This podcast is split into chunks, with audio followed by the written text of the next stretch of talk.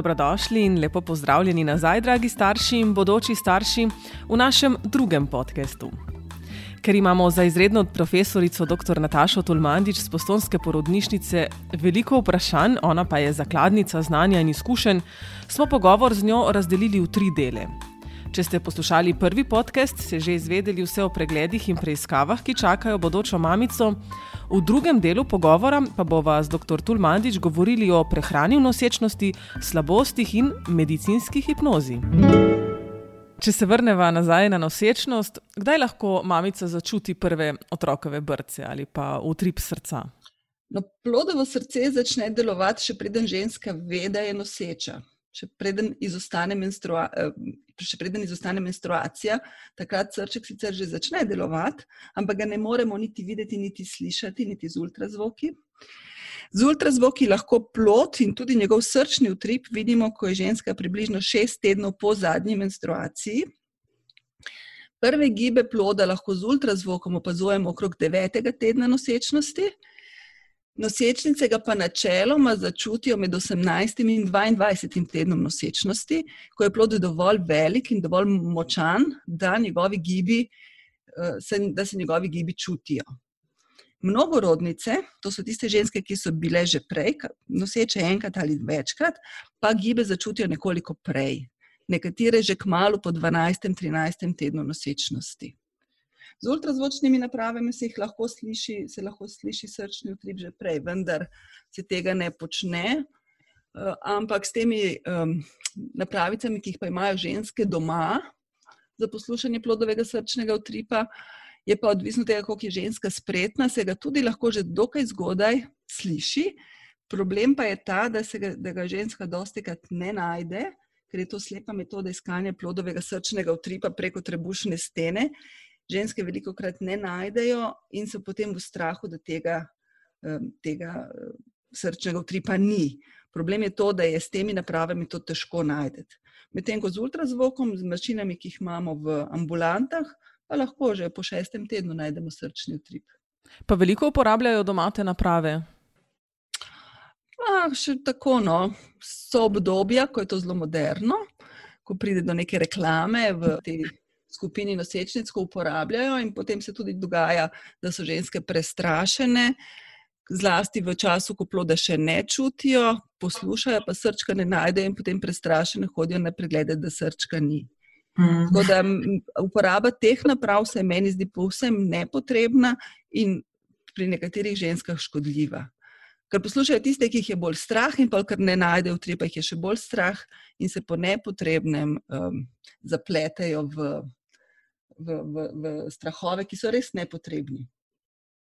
Nekatere ženske imajo med nosečnostjo tudi izjemno hude slabosti, vse čas bruhajo, potrebujejo celo infuzijo. To smo denimo slišali pri Kate Middleton. Um, zakaj pride do tega? Kdo je bolj dovzeten za to? Ja, nosečniška slabost pride zaradi vpliva nosečniških hormonov na sluznico prebavil. In um, tist, nekatere ženske imajo bolj občutljivo sluznico prebavil, nekatere imajo več tega nosečniškega hormona. Naprimer, ženske, po, ki nosijo dvojčke, imajo več hormona, ker imajo večjo, večjo volumen posteljice in imajo tudi več slabosti. Zdaj, um, nekatere ženske imajo pa občutljivo želočno sluznico in pri teh je te slabosti več. Ne mogoče je napovedati, katere ženske bojo imele slabosti in katere ženske je ne bojo imele. Zgodi se tudi, da imajo ženske recimo v eni nosečnosti izjemno veliko slabosti, v drugi pa skoraj nič. Pa ni nujno, da je v prvi več slabosti kot v drugi, to je čisto neodvisno od tega. Tako da v bistvu še vedno ne vemo čisto natančno, kaj in zakaj pride do te slabosti. In tudi ne vemo, pri komu bo prišla in kakšna bo. Pri večini žensk slabost mine po 12. tednu, pri nekaterih pa ustraja tudi celo nosečnost. V zgodnji nosečnosti nimamo nobenih pametnih zdravil, s katerimi bi to nosečnost, nosečniško slabost umilili. Zlasti pač ta zdravila, ki jih sicer imamo, niso dovolj varna v nosečnosti. Zato ženskam svetujemo, da počivajo, da pijejo po požirkih, da jejo, kar jim paše. Nekaterim izjemno paše, če jejo bobi palčke, pa pijejo Coca-Cola, drugim pašejo juhice ali pa suho sadje, suha zelen, suhi krekerji. Tako zelo različno. No. Dejstvo je, da je treba paziti, da, ženska, da ne pride do dehidracije. In če je nosečniška slabost zelo izrazita, potem je pač smiselno dati infuzije. Infuzije tekočino včasih res eh, kar presekajo te slabosti. Tako da, če, ženska, če je ženski zelo slabo, zlasti če tudi bruha in ne uspe dovolj popiti, je smiselno, da se čim prej oglasi v urgentni ginekološki ambulanti, kjer stanje preverimo in ji damo po potrebi, po potrebi tudi infuzijo terapija, ki pa je zelo učinkovita, že tudi v zgodnji nosečnosti in nima stranskih učinkov, je pa medicinska hipnoza. Jaz sem bila zelo presenečena, kako lahko hipnoza, to je se pravi na tako globoko sproščanje, umiri prebavila in kako ženski pomaga čez te zgodnje tedne nosečniške slabosti. V Sloveniji imamo kar nekaj zdravnikov, ki se s to hip, medicinsko hipnozo zdaj ukvarjamo, in jaz se z njo ukvarjam zdaj dobro leto. In me je res izjemno presenetilo, kako nosečnice, ki so, ki so imele hude slabosti, zelo dobro že po eni od teh uh, terapij odreagirajo, po eni, po dveh terapijah odreagirajo in slabosti se naučijo kontrolirati, oziroma se tako milijo, da lahko z njimi normalno živijo. Sloveniji imamo v bistvu tudi iz tega, tega področja zelo dolgo tradicijo. Že v 60-ih letih je s tem začel ginekolog in psiholog profesor Marjan Painter, ki je zdaj, kljub temu, da je, je že krepko čez 80 let star, še vedno izjemno aktiven, izvaja hipnozo tako v namene terapije pri, pri svojih klientih, kot tudi šolanje. In ima res dobro šolanje, katerega vsako leto konča, po mojem, 50 zdravnikov in psihologov. In nekateri potem sicer delajo aktivno naprej, nekateri ne. Šolanje je res dobro, učinkovito, in kar nekaj specialistov, oziroma terapeutov medicinske hipnoze je v Sloveniji na voljo. Žal je to spet samo plačniška ponudba, ker zavarovalnica tega ne ponuja, čeprav je res učinkovito in tudi z raziskavami dokazano, da je. Uh, da je koristna metoda, je dopolnilna metoda, to ni osnovna metoda zdravljenja, ampak dopolnilna metoda. In uh, kar je pomembno, je, da imamo certifikat zdravniške zbornice. Tako da ni to, um, kot bi rekli, čisto nekaj alternativnega ali nekaj izven zdravstvenega sistema, ampak znotraj zdravstvenega sistema delajo ljudje s certifikati. Uh, učinki so, seveda ni to čarobna paličica, da bi rekli, boš enkrat prišel in boš eh, rešil vse probleme, ampak veliko problemov se da rešiti in med njimi, po mojih izkušnjah, medicinska hipnoza pri preprečevanju nosečniške slabosti izjemno učinkovita. Aha, rekli ste pri nosečniški slabosti, pri čem pa vse lahko še pomaga medicinska hipnoza pri denimo nosečnicah? Ja, najbolj, ukva, najbolj je učinkovita, oziroma najbolj pogosto se uporablja še za strah pred porodom in za lajšanje oporodne bolečine. V recimo, 60-ih letih je v Kranju kar veliko nosečnic rodilo v hipnozi. Se pravi, to je način, ko olajšamo potek poroda in zmanjšamo porodno bolečino do te mere, da porodnice ne potrebujejo drugih, drugih metod za lajšanje bolečine. In še danes, in tudi danes, no, uh, imamo nekaj ljudi, ki se s tem ukvarjajo, in nekaj centrov, kjer to lahko poteka, je pa to tehnično, organizacijsko, finančno izjemno zahtevna, zahtevna uh, stvar. Ne, tako da porodov v hipnozi je malo, ampak porodov. Ko se ko, ko nosečnice pripravimo na porod s hipnozo, ko jim olajšamo doživljanje nosečnosti in lajšamo strah pred porodom, pa je kar nekaj. Pa je veliko nosečnic strah poroda? No, vsako nosečnico je do ene mere strah poroda in to je normalno. Vsa, vedno je to strah pred nečim neznanim, ne vemo, kaj se bo točno dogajalo, kako bo potekalo. In to ne samo prvič, tudi drugič, tretjič in tako naprej. Vendar je tega, ta strah običajno se ga da obvladati Nekaj nosečnic je pa patološko strah pred porodom, tako zelo, da nekatere tudi za nosici ne želijo, dokler se tega strahu ne rešijo, ali pa jih je tako zelo strah, da ne morejo normalno iti skozi nosečnost. Takih nosečnic je malo, nekaj pa jih je. Pomembno je, da take ženske to čim prej povejo, ali že pred zanositvijo, ali pa v zgodnji nosečnosti svojemu ginekologu, ker se da marsikaj narediti. Imamo ambulanto za medicinsko eh, psiho, eh, psihologijo na, eh, v porodnišnici Ljubljana, kjer je psihologinja, ki se s tem ukvarja, ki zelo dobro zna razrešiti te strahove. In kot sem rekla, imamo tudi način z medicinsko hipnozo, ko to lahko bistveno, bistveno olajšamo. Tako da teh nosečnic ni veliko, je pa za nekatere to res izjemno velik problem, ki je rešljiv. To je pomembno, da ženske vejo, da je rešljivo, da so metode, da je pa treba povedati in se o tem odkrito pogovarjati. Ni treba, da je ženske sram, če jih je strah, to je normalno in da se, da se pomagati, zato ni treba trpeti brez potrebe. Ja, to je pa res. Eh, Prej ste omenili pri nosečniški slabosti, da naj si ženska nosečnica privošči karkoli pač paše. Eh, torej, ni nekih omejitev, kaj jesti, eh, česa ne med nosečnostjo ali so? No, so določene omejitve, seveda. Med nosečnostjo si želimo, da bi ženska imela zdrav življenjski stil in to velja od pozitivnega testa nosečnosti dalje ali pa bolje še od prej.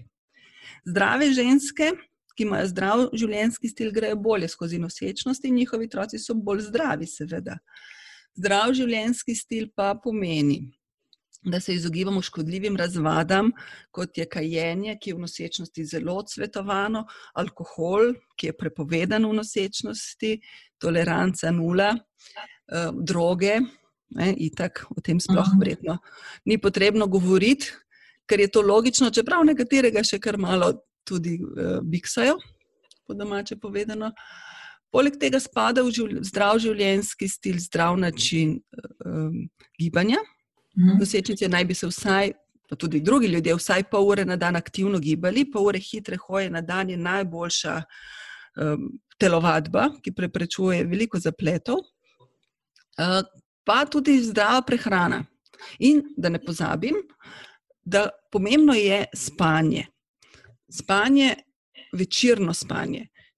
Ponočevanje nikoli ni fajn, čeprav se zdaj v modernem svetu dogaja, da ljudje hodijo pozno spat, pa pozno vstajajo. Uh, ni vseeno, ali prespiš 8 ur od enih zjutraj do 9 zjutraj, ali jih spiš od 9 zvečer ali od 10 zvečer, ker zvečer se hormoni drugače sproščajo. To so melatonin in uh, rastni hormon, to so hormoni, ki skrbijo za regeneracijo telesa. Se sproščajo zvečer, če človek spi. Če pa človek zvečer gleda v računalnik, televizijo, uh, in um, je drugače aktiven, potem se te hormoni ne sproščajo v enaki miri, kar je slabo za razvoj, uh, za zdravje človeka nasplošno, za nosečnice pa še slabše. Tako da med zdrav življenjski stil jaz vedno poudarjam, sodi tudi to, da hodimo zvečer zgodaj spat mm. in da dovolj spimo. Kar se pa prehrane tiče, je pa pri nosečnicah tako, da Ko so slabosti, seveda ne morejo zelo paziti na prehrano, ker jim določena hrana ne ustreza.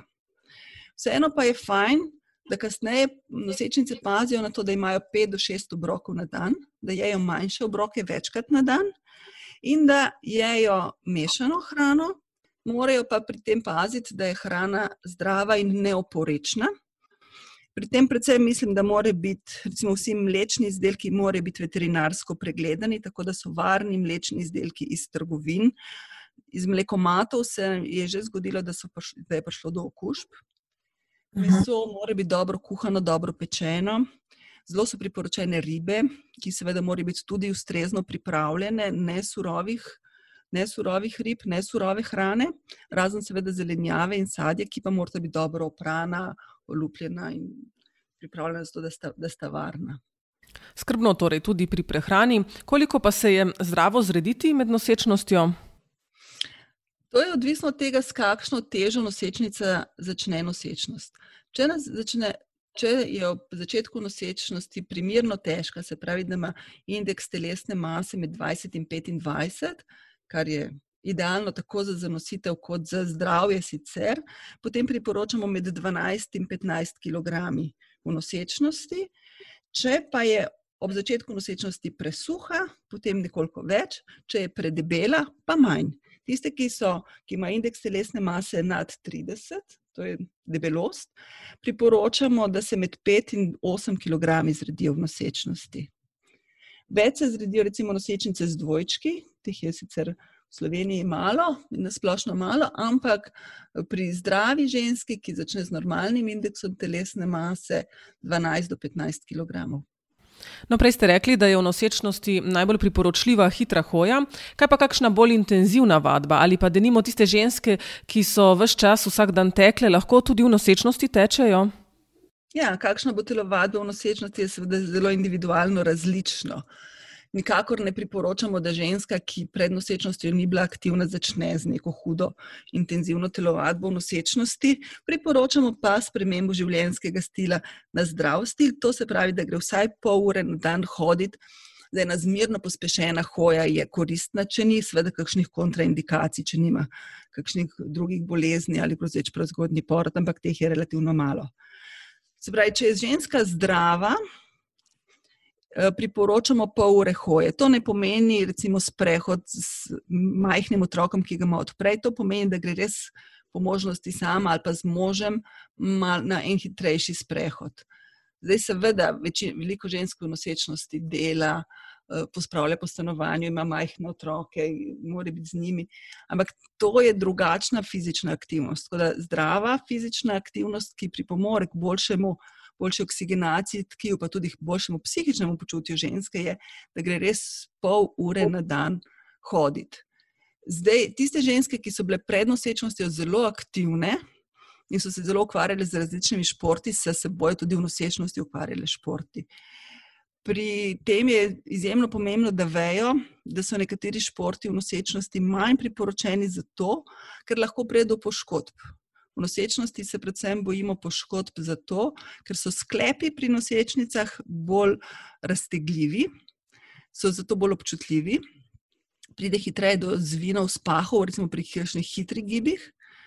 Kar je še pomembno, je, da se uh, teža nosečnice poveča, da je maternica velika, zato kažni hit, hitri gibi, sunkoviti gibi, kot bi bilo recimo pri tenisu ali pa pri skošu, pri kakšnih hitrih plesih, niso priporočeni, da se maternica ne na hitro preveč premakne. Uh, pa tudi teža in težišče nosečnic se, se, se spremeni. Zato je tudi kontrola telesa slabša v nosečnosti to pri hoji, pri plavanju, pri teh linearnih športih, to ni tako pomembno, medtem ko pri športih, kjer je več koordinacije, pa hitri gibov, pa je to postane zelo pomembno. Tako da športi, ki so priporočeni v nosečnosti, so hoja in hitra hoja, lahko tudi v hrib s palicami, nordijska hoja, plavanje, ki je, če so v bazeni ali pa morje čisti, absolutno brez kakršne koli dodatne zaščite možno in priporočeno. Potem je recimo yoga, pilates za nosečnice, to so take nežne vadbe, ki so priporočene. Tukaj treba paziti, da se sklepi ne raztezajo preveč, da ne pride, kot smo rekli, prej do, do prerastegnjenih sklepov. Pa, um, pa sobno kolo, recimo. Sobno kolo je tudi fajn, uh, ne pa kolesarjenje v naravi zaradi možnosti pacev in poškodb. Tako, zdravim življenjskim slogom bomo zaključili drugi del pogovora, mi dve s pogovorom nadaljujeva, vi pa ga boste poslušali v tretjem podkastu, ko bomo govorili o nezdravem življenjskem slogu, o tem, kaj če nosečnica kadi pred nosečnostjo ali med nosečnostjo, kaj če pije alkohol ali zboli za denimo COVID-19, kaj to pomeni za njo in za otroka. Zanimivo bo, pridružite se nama tudi prihodnič.